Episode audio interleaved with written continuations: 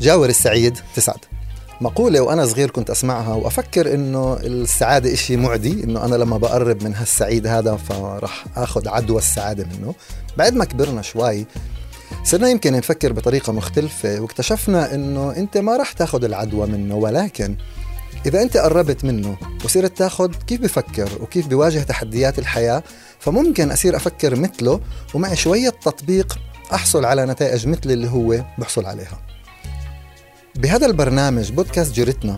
إحنا رح ناخذ بعض من جيرتنا اللي هم الناس اللي موجودين في محيطنا وبمجتمعنا بعض الأشخاص اللي أثروا اللي صنعوا تغيير في واقع حياتهم وبواقع حياة الناس اللي حواليهم ونجرب نشوف هدول الأشخاص